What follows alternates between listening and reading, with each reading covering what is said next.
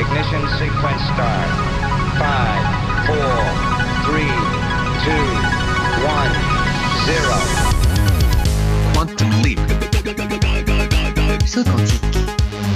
Salto quântico. Salto quântico. Salto quântico. Quantum leap. Salto quantico. Salto quantico. Kvantum, det du inte visste att du ville veta. Morgens, morgens, Markus Rosenlund här.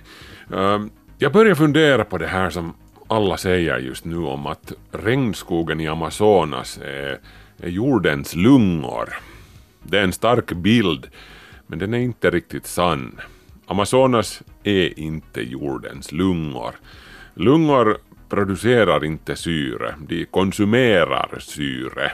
Amazonas står inte heller för de påstådda 20 procent av allt syre som produceras av jordens fotosyntetiserande organismer.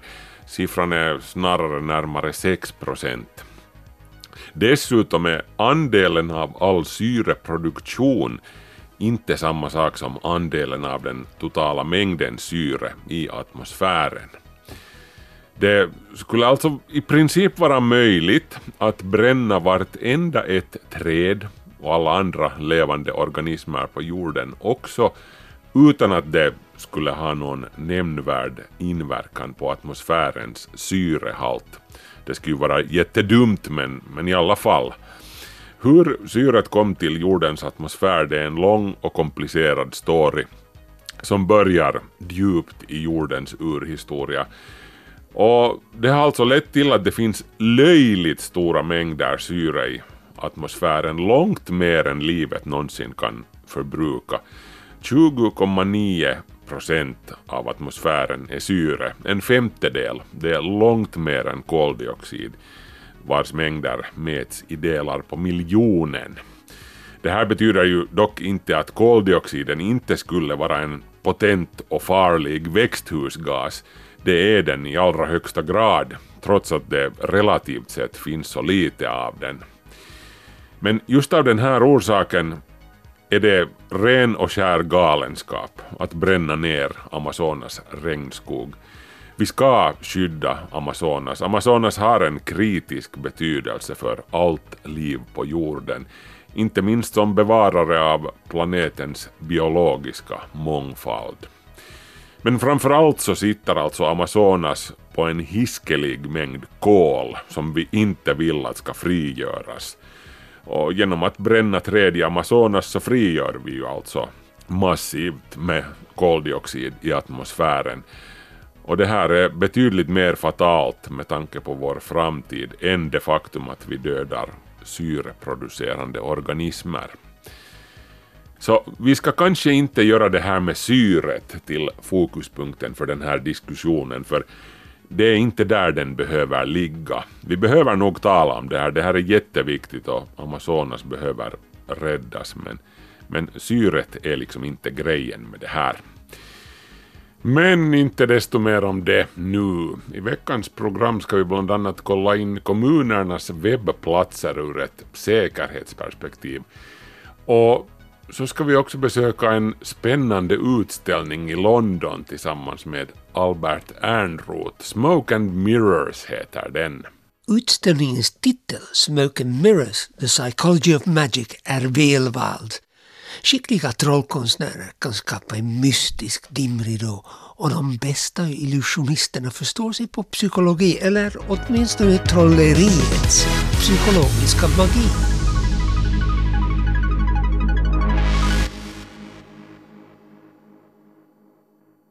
Men vi börjar med veckans notiser.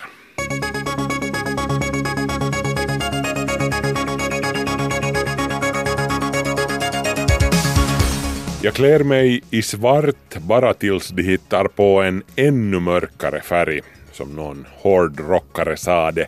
Men nu har alltså biltillverkaren BMW presenterat en ny version av sin stadsjeep av modell X6. Den är målad med en färg som sägs suga upp 99 procent av allt ljus som faller på den. Den här supersvarta bilfärgen baserar sig på materialet Vanta Black som presenterades 2014. Vanta Black-materialet är utbehandlat med kolnanorör, små rörformade kolmolekyler som gör att nästan inget ljus alls reflekteras från det. Det sägs se smått surrealistiskt ut, det får föremål att se tvådimensionella ut, säger de. Exakt vem som behöver en bil som är svartare än alla andra bilar är ju sedan en annan femma, men är du intresserad så finns den supersvarta BMWn utställd på Frankfurts bilmässa i september. Den privata amerikanska raketfirman SpaceX har provflugit en testversion av sitt rymdskepp Starship och bärraketen Super Heavy. Den nedbantade versionen av Starship går under namnet Starhopper. Och den steg häromdagen blygsamma 150 meter mot skyn där den svävade i en minut innan den landade igen. Invånarna i Boca Chica i Texas, där SpaceX utförde sitt test, hade uppmanats att lämna sina hem medan testet pågick eftersom dånet från raketmotorerna riskerade att krossa fönster på byggnaderna i stan. Starship kommer då den står klar att ha kapacitet för resor till månen och till och med till Mars. Den ska kunna ta 100 passagerare åt gången och 150 ton frakt upp till omloppsbana runt jorden. I princip så kunde man också använda Starship till att flyga till exempel från London till Hongkong 10 000 kilometer på en dryg halvtimme. Äggceller från världens två enda kvarlevande exemplar av den nordliga vita noshörningen har befruktats med bevarad och nedfryst sperma från en spermabank för vita noshörningar. En befruktning enligt den naturliga metoden var alltså inte möjlig eftersom den sista av artens hanar dog i fjol. Embryona ska sedan överföras till surrogatmammor, dock inte de nordliga vita noshörningar som donerade äggen, utan det är fråga om honor tillhörande den sydliga vita noshörningsarten. Så här hoppas forskarna kunna rädda den nordliga vita noshörningen från utrotningens brant. Det fanns runt 20 000 noshörningar bara i Kenya ännu på 1970-talet, men efter åratal av tjuvjakt så finns det endast omkring 650 exemplar kvar, nästan uteslutande av arten spetsnoshörning. Planeten Jupiter har inte mindre än 79 månar som vi känner till. De allra flesta av dem är väldigt små med en genomskärning på några enstaka kilometer. Mer än 99 procent av massan i Jupiters månfamilj sitter i de fyra största månarna Io, Ganymedes, Europa och Callisto. Fem stycken av de senast upptäckta småmånarna 2015 upptäcktes hela 15 stycken, har nu fått namn. Det var Internationella Astronomiska Unionen IAU som lät hålla en namntävling där allmänheten fick komma med förslag. Och de vinnande förslagen är alltså följande Pandia, Ersa, Eirene, Filofrosyne och Eufeme. Reglerna för tävlingen sade alltså att namnen måste ha en koppling till den grekiska eller den romerska mytologin och närmare bestämt till guden Zeus ättlingar eller följeslagare.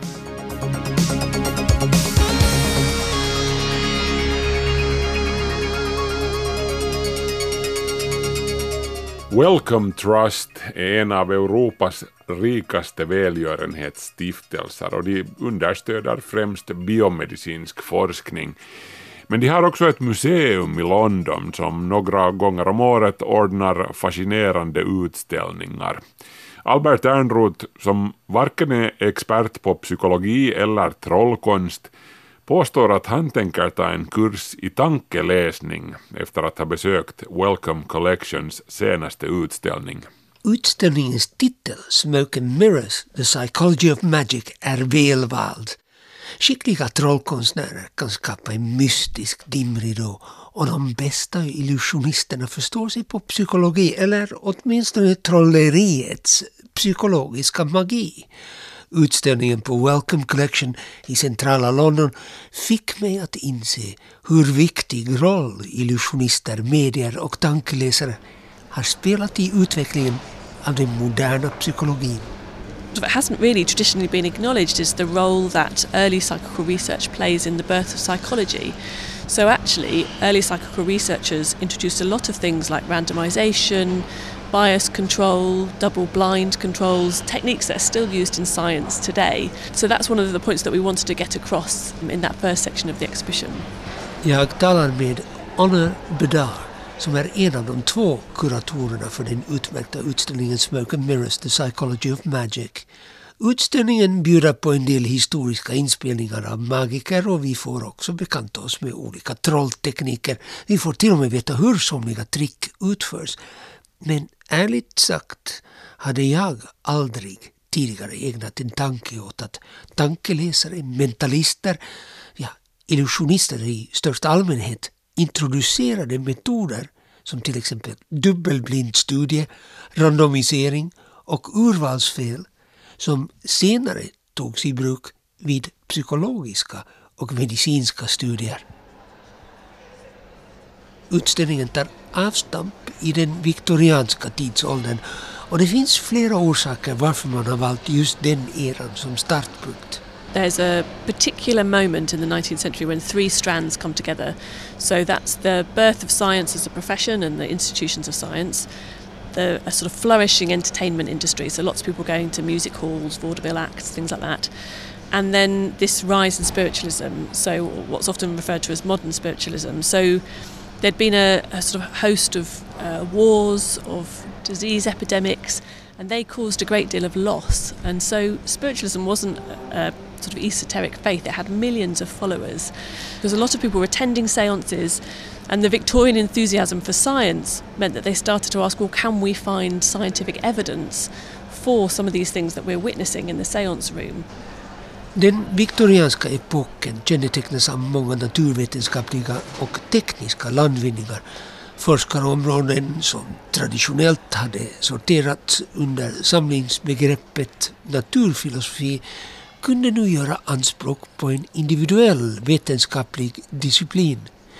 Psykologi blev ett begrepp och mycket snabbt utvecklades olika inriktningar inom samhällsvetenskaperna. På 1850-talet dog eller sårades tiotusentals brittiska soldater i Krimkriget och under Sepoy-upproret 1857 dödades dessutom tusentals civila av de indiska rebellerna.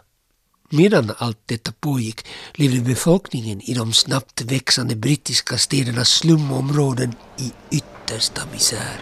With spiritualism, we saw magicians and potentially fraudulent mediums exploiting people's need to believe, to believe in a life after death after they'd experienced extreme loss and grief. Spiritualister utnyttjade sorgen över de stupade och när medier dessutom påstod att det fanns vetenskapliga bevis för att man kunde få kontakt med de avlidna var anhöriga till offren beredda att lita på dem. Efterfrågan på förströelse ökade också och underhållningsbranschen växte som aldrig tidigare. Music halls, som var en brittisk variant av varieté, blev mycket populära. Bland annat för att man där, i motsats till vanliga teatrar, fick köpa alkoholdrycker. Och trollkonstnärer uppträdde främst på Egyptian halls och music halls. Conan Doyle's really interesting because, of course, you think of him as the author of the Sherlock Holmes mysteries, and he talks about it um, in this extract that we show in the exhibition. Where he's saying, Well, I got very cross with these fictional detectives who would just suddenly come up with their conclusion. Actually, what I wanted to show was how they've got to it, their methodology. And he and he saw that very much as what was happening in the within the world of psychic phenomena. So let's try and think about how we can piece together a case to prove that these things are real. Arthur Conan Doyle skapade i sina Sherlock Holmes-romaner en detektiv som i många avseenden var före sin tid. Privatspanaren undersöker alltid noggrant brottsplatsen och försöker utreda motiv och framställer en typ av gärningsmannaprofilering. Och det kan verka självklara metoder idag men det var inte så vanligt för 120 år sedan. Samma analytiska och empiriska argument och tillvägagångssätt tillämpade Conan Doyle i flera artiklar och ett antal böcker som försvarade medialitet, andlighet. På Youtube kan man hitta ett härligt klipp där författaren förklarar varför han tillhör den psykiska religionen som han kallade den. But don't for one moment suppose that I'm taking it upon myself to say that I am the inventor of spiritualism or that I am even the principal exponent of it. There are many great mediums, many great psychical researchers, investigators of all sorts. All that I can do is to be a gramophone on the subject. To go about to hörde people här Conan Doyle i en intervju från 1927. Hans son Kingsley skadades svårt i första världskriget och dog bara några veckor före vapenstilleståndet. Men Conan Doyle lyckades via ett medium få kontakt med sonen som försäkrade sin far att han var helt nöjd på andra sidan. Författaren förblev en trogen spiritist och var övertygad om att utbrytarkungen Harry Houdini var ett medium, trots att denne bestämt förnekade detta.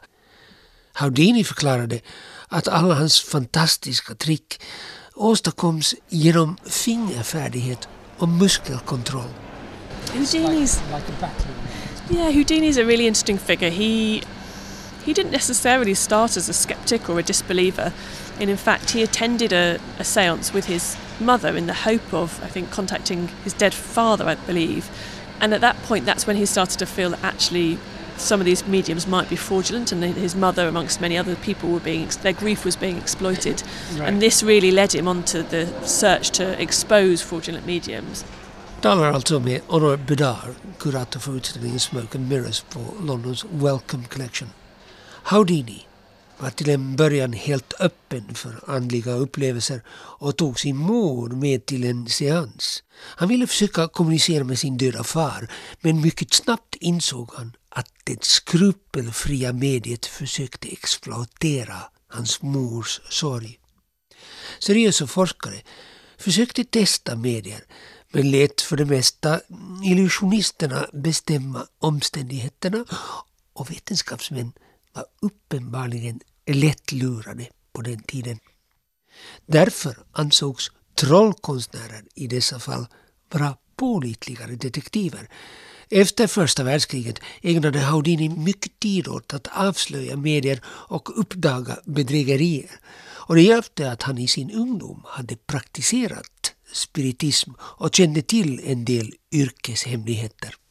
När den populärvetenskapliga tidskriften Scientific American utlovade 2500 dollar till ett medium som kunde framkalla en övertygande fysisk andemanifestation ställde Houdini upp som en av experterna i domarpanelen. En av förra seklets mest sinnrika medier, Mina Crandon, vars pseudonym var Marjorie, antog utmaningen och genomgick sedan det rigorösa testet. his relationship with Marjorie Crandon is, is very interesting because being an escapologist, he was very well placed to identify some of the techniques used. And so he put some really rigorous test conditions in place for Marjorie. So he built a box for her to sit in. You see photographs in the exhibition where he would roll up his trouser leg and put his leg against her leg so that he could detect any muscle twitch or movement at all. Houdini They lät would bygga often en the people låda in som begränsade Marjories rörelseförmåga medan testet pågick. Utbrytarkungen rullade dessutom upp up ena byxbenet och placerade sitt ben mot Marjories så att han kunde känna hennes varje muskelryckning.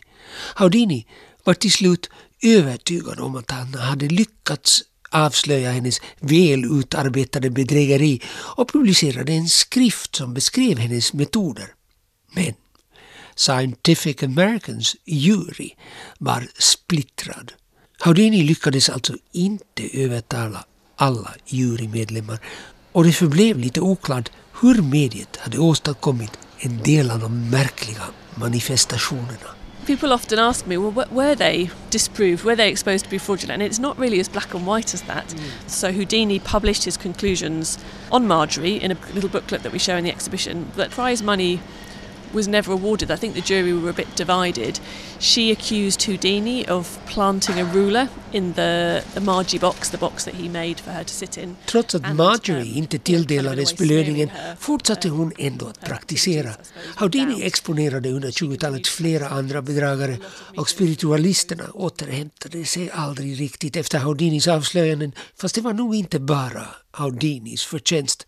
Småningom fyllde paranormalisterna vakuumet och paranormala fenomen hade jag tänkt skulle vara min stickreplik och så tänkte jag att jag skulle demonstrera hur jag med hjälp av tankekraft kan böja skedar i era kära lyssnares besticklådor. Ja, ni som minns det glada, lättrogna 70-talet vet precis vem jag hänvisar till. This is a close-up here of a broken of a broken spoon. di una collier quebrada. And the, the structure is like a structure that has never been seen before by science. Vi hörde den uma oefterhärmlige mästerskedböjaren Uri Geller som i många år lyckades lura miljontals tv-tittare att han kunde åstadkomma övernaturliga fenomen av aldrig tidigare skådat slag. Geller måste betecknas som en bedragare för att han alltid har påstått att han har telepatiska förmågor trots att illusionister ganska lätt lyckas replikera alla hans trick. Men okej, de är kanske inte lika charmiga som Uri var när han var ung. Som alla framgångsrika magiker utnyttjar han någonting som psykologer kallar för inattentional blindness, alltså ett slags blindhet som förorsakas av ouppmärksamhet. Trollkonstnärer och psykologer vet att vi ofta inte ser saker som sker rakt framför ögonen på oss. Psykologerna Chabris och Simons gjorde för 20 år sedan ett experiment som blev mycket känt. These build on a very famous experiment by Chabris and Simons, the invisible gorilla, which lots of people are very familiar with. And I hope I'm not going to give anything away when I say it's a, it's a video with people dressed in white, people dressed in black, and they're throwing a basketball. I experimentet får försökspersonen i uppdrag att titta på en video i vilken två lag, ett med vita och ett med svarta t-skjortor passar en basketboll till varandra. Försökspersonen ska fokusera på att räkna hur många gånger bollen passas mellan de olika lagmedlemmarna som hela tiden rör på sig. Efter ett tag promenerar en person klädd i gorilladräkt bland spelarna. Gorillan slår sig för bröstet och försvinner igen, allt medan spelet fortsätter. Ungefär hälften av försökspersonerna räknade korrekt hur många passningar som gjordes. Men det var också nästan hälften av alla som ursprungligen utförde testet som aldrig uppmärksammade gorillan. De koncentrerade sig fullständigt på bollen och spelarna och var blinda för den håriga primaten. De skickligaste illusionisterna behöver naturligtvis inte någon psykologisk studie som förklarar varför det är relativt lätt att vilseleda och manipulera folk. Deras levebröd är beroende av hur bra de är på avledningsmanövrar. That's one of the most startling conclusions that's come out of the psychological research is that we think we perceive everything and actually we perceive very little. And that makes us really, really vulnerable to magicians, to politicians, to you know, lots and lots of different in lots of different scenarios. Psykologer har alltså lärt sig mycket av trollkonstnärer men illusionister studerar uppenbarligen också psykologer. Den världsberömda amerikanska illusionistduon Penn and Teller gör ett misdirection vilseledningstrick som refererar till experimentet jag nyss nämnde men det involverar två personer klädda i gorilladräkter. How many of you saw the gorilla with the symbols? Should be everyone. It's a goddamn gorilla with symbols. Should be all of you. Yes, yes. Now, Idag är det clownernas, eller gycklarnas tid.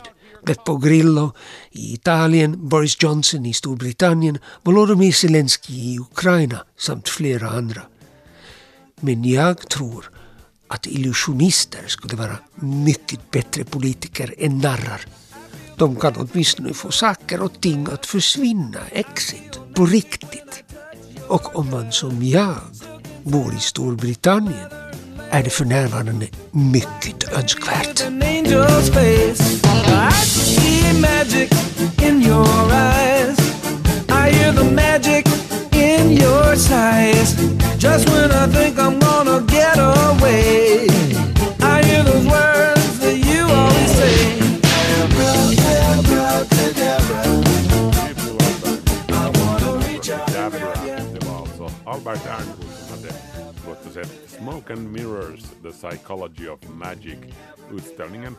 Fram till 15 september på Welcome Collection i London.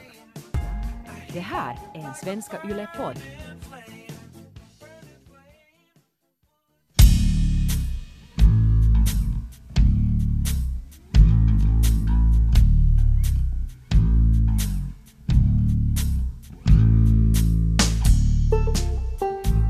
Tidigare i veckan spreds en nyhet om att USAs president Donald Trump skulle ha föreslagit att USA använder kärnvapen för att försöka oskadliggöra hotfulla orkaner innan de drar in över land och orsakar stor skada.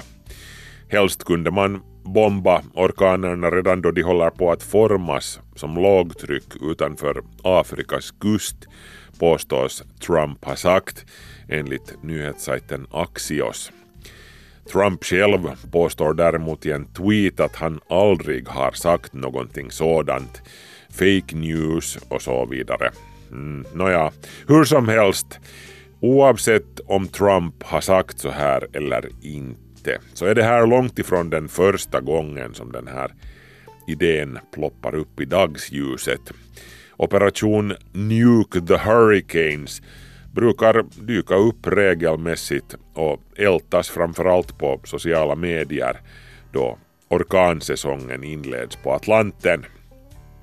Faktum är att den här alltigenom galna idén är så seglivad att USAs meteorologiska institut NOAA har en stående webbsida som de brukar hänvisa de mest ivriga galenpannorna till där de förklarar i klarspråk varför det inte lönar sig att atombomba stormar.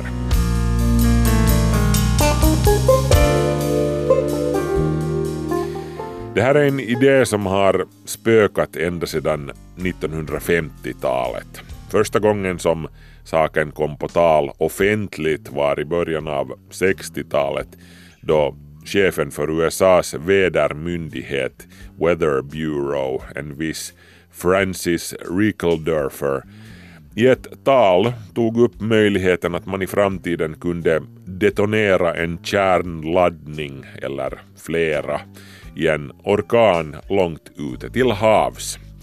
Rickeldörfer tillade dock att Weather Bureau inte hade någon tanke på att börja bygga upp en egen kärnvapenarsenal innan man var helt säker på vad man gjorde.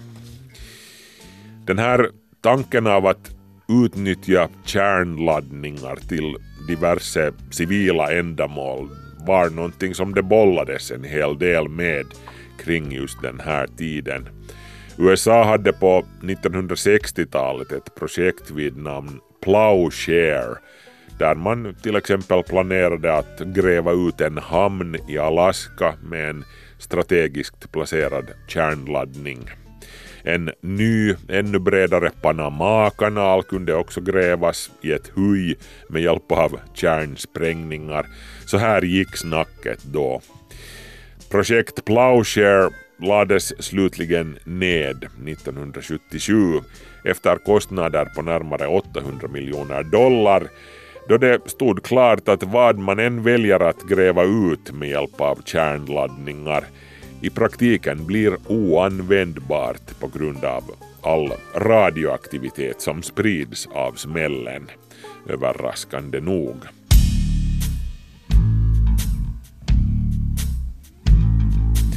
En prominent meteorolog som bollade med tanken på att blåsa ut stormar med kärnsprängningar var Jack Reed från kärnlaboratoriet Sandia Laboratories.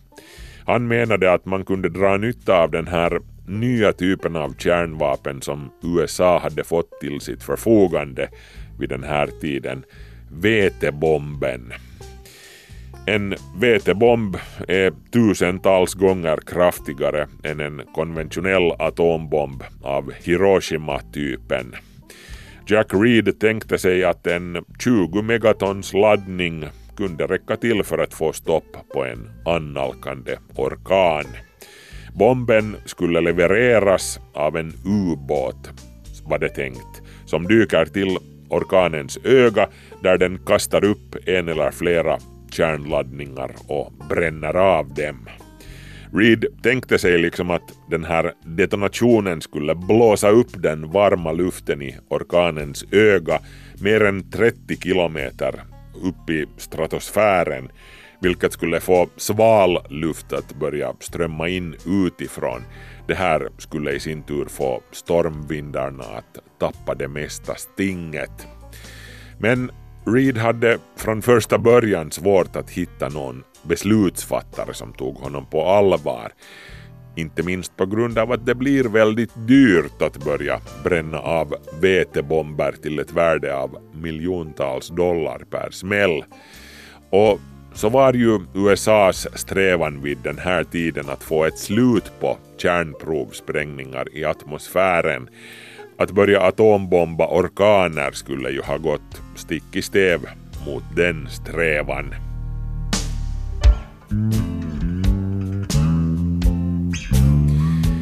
Och sen har vi ju det här med att hela idén är helt vrickad, som en prominent kärnforskare vid namn Robert Nelson uttryckte det vid den här tiden. It's just wacky, sade han.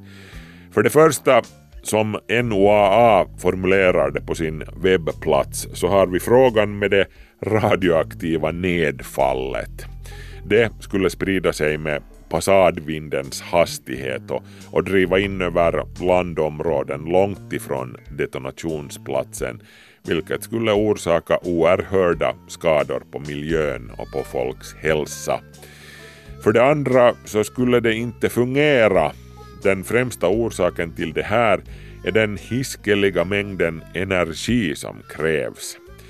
En timme av en kategori 5-orkan innehåller mer energi än hela världens sammanlagda kärnvapenarsenal.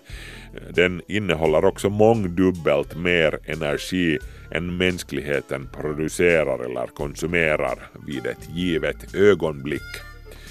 För att krympa en kategori 5-orkan med ett öga på, säg nu 40 kilometer i diameter till en kategori 2 så skulle man behöva skifta en halv miljard ton luft upp till stratosfären.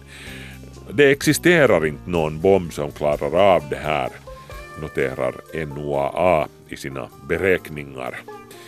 Och att mer eller mindre på måfå börja atombomba lågtryck som föds utanför Afrikas kust är det heller inte någon poäng med. Mindre än en tiondel av de här stormarna blir med tiden till orkaner.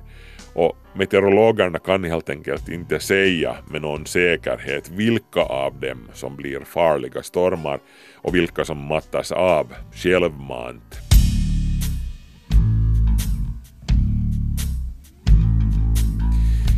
Också om man inte vill ta fysikens realiteter i beaktande så kan man inte bortse helt och hållet från att den här sortens sprängande är strikt förbjudet enligt det internationella avtalet om fredliga kärnsprängningar från 1976 som begränsar styrkan på icke-militära kärnladdningar till 150 kiloton. USA ratificerade det här avtalet 1990. Men dessvärre så är ju internationella avtal betydligt lättare att bomba sönder än orkaner.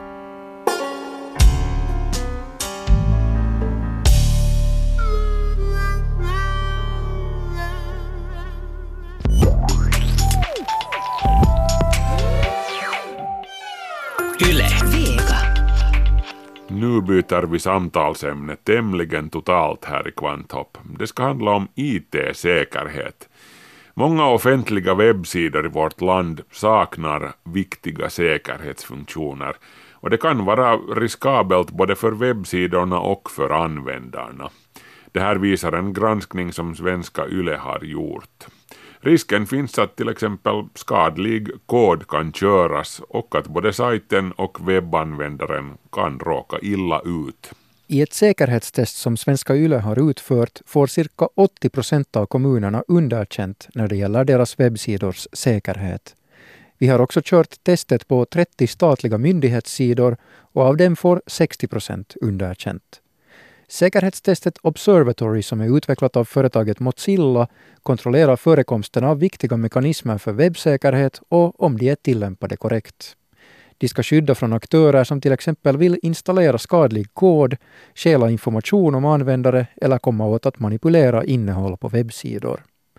Tommy Lahtinen på IT-säkerhetsföretaget Silverskin kommenterar att testresultatet är riktgivande för hur bra webbsidors säkerhet är. Vissa organisationer hade ju relativt bra, bra liksom poäng, men andra hade sen ganska mycket att förbättra på. Så jag skulle säga att det innebär det att, att det inte kanske ges så mycket uppmärksamhet till de här säkerhetsfrågorna som man kanske i dagsläget borde göra.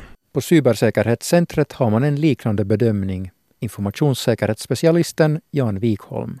Det är en negativ signal och det betyder att uh, de har för litet budget för IT-säkerhet. I praktiken är det ofta externa serviceleverantörer som bygger upp många av webbsidorna. Men samtidigt är beställaren, till exempel kommunen, i sista hand ansvarig för att det är en säker webbplats. Beställaren kan till exempel betona att det ska satsas på säkerheten, något som kan kosta lite extra. Den kommun som fick bäst resultat i testet var Björneborg. Stadens webbplats fick lika bra vitsord som cybersäkerhetscentrets, nämligen B+, på en amerikansk skala mellan A och F. On hieno juttu, että me on siinä pärjätty hyvin. Me on tuohon meidän verkkosivujen rakentamiseen satsattu aika lailla. Det är fint att vi har klarat oss väl i testet. Vi har också satsat en hel del på våra webbsidor och har uppenbarligen lyckats i att välja bra leverantörer, säger Heikki Haaparanta, chef för ICT-enheten på Björneborgs stad. Stadens webbplats har byggts upp på nytt under de senaste två till tre åren och använder öppen källkod närmare bestämt en programvara som kallas för Drupal. Haparanta berättar att man har anlitat webbkunniga från fem olika företag för att bygga upp och uppdatera sajten. IT-säkerheten har varit viktig i det här projektet. No kyllä mä näen, turvallisuus on niin kaikessa tekemisessä, mitä me tuossa ICT-tekemisessä tehdään, niin pitää olla tärkeänä yhtenä osana. Säkerhet måste vara en del av all ICT-verksamhet. Vi var nyligen i nyheterna för att vi råkade ut för ett dataintrång och det var igen en väckarklocka om att ständigt satsa på säkerheten i allt det vi gör, säger han. Men samtidigt som Björneborg och några andra klarar sig väl i testet så får de flesta alltså underkänt. Pargas stad är en av dem. IT-chef Kai Kalliolevo kommenterar att det absolut finns risker med stadens nuvarande webbplats som har använts i fem år och som har uppdaterats en aning då och då. Den är ännu bristfällig, det måste man ju konstatera, att det finns mycket att förbättra. Han tillägger att god säkerhet kommer att vara ett centralt mål när man förnyar webbplatsen. Staden kommer dessutom i september att delta i en gemensam övning för den offentliga sektorn. Övningen kallas Taisto och arrangeras av Befolkningsregistercentralen. Målet är att förbättra dataskyddet och IT-säkerheten. I samband med den här nyheten upptäckte Svenska Yle också av en händelse ett dåligt skyddat personalsystem hos Pargas stad. Inloggningssidan till personalsystemet var lätt att hitta via huvudsidan och inte krypterad med SSL-kryptering så som EUs dataskyddsförordning kräver. Det kunde ha gjort det möjligt för en hackare att lättare kunna komma över inloggningsuppgifterna och uppgifterna i systemet. Systemet innehåller åtminstone anställdas namn och uppgifter om anställningsförhållande, semestrar och sjukfrånvaron. Hälsouppgifter anses vara känsliga och ska enligt dataskyddsförordningen skyddas extra väl. Vargas stad tog snabbt bort inloggningssidan från internet efter att vi tog kontakt. IT-chefen Kai Kalliolevo. Ja, det, det var nog, nog ett fel som vi åtgärdade sen genast. Vi fick veta om det. Nu är personalsidan bara tillgänglig via stadens intranät, vilket är betydligt säkrare. Kvanthopp, det du inte visste att du ville veta. Det är alltså Niklas Fagerström som pratar om IT-säkerheten hos kommuner och staten. Vi ska fortsätta på det här temat här i Kvanthopp. Bland annat kryptering används allt för lite på de här webbsidorna. Det ska till exempel handla om någonting som kallas för HTTPS, som innebär att dataöverföringen mellan användaren och webbsidorna sker på ett säkert sätt. Bristen på kryptering verkar vara ett mer allmänt problem. En femtedel av kommunerna har inte alls tagit i bruk säkra HTTPS-förbindelser på sina webbsidor och ytterligare en femtedel har gjort det på ett bristfälligt sätt. Det här trots att alla de IT-säkerhetsexperter vi har talat med för den här nyheten rekommenderar den här tekniken. SSL-förbindelser, eller HTTPS som det också kallas, handlar alltså om att överföra data på ett säkert sätt. Under 2010-talet har det pågått en allmän övergång till den här mer säkra tekniken på många webbplatser. En annan teknik som används sällan är DNS SEC. Det är ett säkert system som knyter ihop konkreta webbadresser, såsom helsinki.fi, med den IP-adress som egentligen ligger bakom och som alltså normalt identifierar en viss dator i nätverket. Jan Wikholm på Cybersäkerhetscentret säger att det skulle vara mycket viktigt att olika aktörer snarast övergår till att använda DNS SEC från det mer vanliga men oskyddade DNS-systemet. I nuläget är det bara en procent av sidorna i Finland som använder den säkrare varianten och enligt Svenska Yles koll är det sju kommuner som använder det. Bland dem Sibbo och Vasa. Av de statliga instanserna är det endast Trafikom och Cybersäkerhetscentret som gör det. Jan Wikholm på Cybersäkerhetscentret igen. Det kan betyda att äh, till exempel webbläsaren eller någon annat äh, dataprogram som du använder provar att uh, kommunicera med, med kriminella istället för eh, den riktiga servern. Det kan då hända att folk ger ifrån sig känsliga uppgifter till kriminella utan att veta om det. Wikholm kommenterar att det nu är alldeles för få aktörer som har DNS SCC i bruk i Finland, men man hoppas att ett evenemang som myndigheten Trafikom planerar hålla i början av nästa månad ska öka intresset. Och på IT-säkerhetsföretaget Silverskin så kommenterar Tommy Lahtinen att många i dagsläget inte vet hur de borde skydda sina webbplatser och sin information och att det kan finnas flera säkerhetsluckor i sajterna. Han uppmanar olika aktörer att se över sin säkerhet. Inte skulle jag säga att vi är överraskade att vi gör i vårt dagsarbete sådana här test och ganska mycket djupare analyser som är då liksom förstås med lov av de här organisationerna. Och vi har hittat, hittat nog massor, massor sårbarheter här under åren. Han tillägger att det också varierar hur intresserade offentliga aktörer är av att upprätthålla god säkerhet på sina sajter. Många sköter det riktigt bra, bra och det där. men å andra sidan så finns det nog mycket att, att också fixa till i framtiden. Dessutom borde säkerhetsarbetet vara pågående. En vanlig orsak till att flera kommunala webbplatser får dåligt betyg i Mozillas säkerhetstest kan vara att det handlar om gamla webbsidor som inte har fått tillräckligt med säkerhetsuppdateringar. Ja, det är säkert en orsak och då är det ju mycket fråga om just det här att hur man, hur man uppdaterar dem och ser till att den där säkerheten också i framtiden är liksom på tillräckligt hög nivå. Cybersäkerhetscentrets bedömning är också att läget i stort troligen inte är så bra som det borde vara. Informationssäkerhetsspecialisten Jan Wikholm. Det finns mycket att förbättra, men vi har ingen helt uh, lägesbild av hela Finland. Wikholm hoppas dessutom att olika sajter i framtiden kommer att sikta på att få bra testresultat i olika säkerhetstest. Förutom att det ger bättre säkerhet så kan det också vara bra PR och något man vill skryta med. Niklas Fagerström var det som var reporter i det inslaget. Kvanthopp är slut för den här veckan. Markus Rosenlund så heter jag. Och vi hörs om en vecka. Ha det så bra till dess. Hej så länge.